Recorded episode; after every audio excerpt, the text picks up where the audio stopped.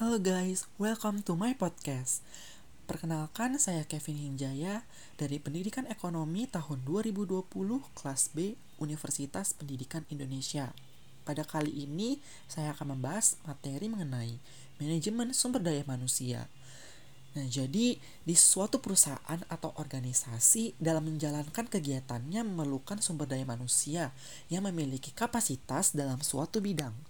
Sumber daya manusia sebagai pelaksanaan visi dan misi organisasi harus diseleksi dengan baik. Oleh karena itu, manajemen sumber daya manusia menjadi hal yang penting dilakukan oleh suatu perusahaan atau organisasi nih. Nah, lalu pengertian manajemen sumber daya manusia itu apa sih?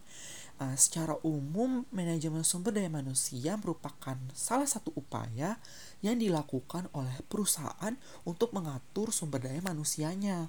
Sumber daya ini diarahkan untuk mencapai tujuan perusahaan yang telah ditetapkan sebelumnya. Nah, manajemen sumber daya manusia ini juga dalam sebuah perusahaan berfokus pada kegiatan rekrutmen sumber daya manusia, pengelolaan, dan pengarahan untuk mencapai tujuan perusahaan. Lalu ada fungsi manajemen sumber daya manusia. Dengan adanya sumber daya manusia, pengelolaan terhadap seluruh kegiatan yang melibatkan elemen sumber daya manusia dapat berjalan dengan mudah. Hal ini tidak lepas dari fungsi manajemen sumber daya manusia itu sendiri yang membuat pengelolaan lebih mudah. Yang pertama fungsinya itu staffing atau employment. Fungsi pertama dari manajemen sumber daya manusia adalah staffing atau pengelolaan terhadap tenaga kerja organisasi. Dalam penerapannya, staffing ini dilakukan dalam tiga langkah, yaitu perencanaan, penarikan, dan seleksi. Lalu fungsi yang kedua itu performance evaluation. Mereka yang bekerja pada divisi sumber daya manusia memiliki tanggung jawab terhadap serangkaian pembinaan dan pengawasan terhadap tenaga kerja.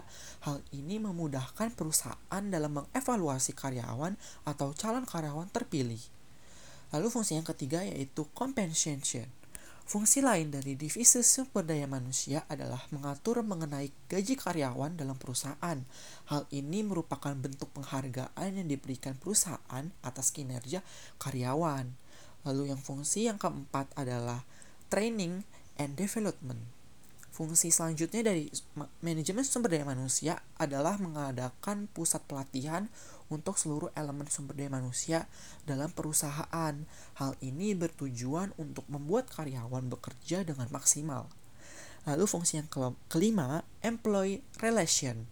Tugas dan tanggung jawab manajemen sumber daya manusia juga adalah berupaya membangun relasi dengan pihak lain yang terkait dengan tenaga kerja seperti serikat pekerja. Hal ini bertujuan untuk menciptakan iklim kerja yang kondusif bagi karyawan karena permasalahan dapat diatasi dengan baik. Fungsi yang keenam, personal research. Tugas utama dari Manajemen sumber daya manusia adalah untuk mengatasi permasalahan yang dihadapi karyawan dalam lingkungan perusahaan. Manajemen sumber daya manusia harus melakukan analisis terhadap setiap permasalahan seperti PHK dan memberikan solusi yang tepat.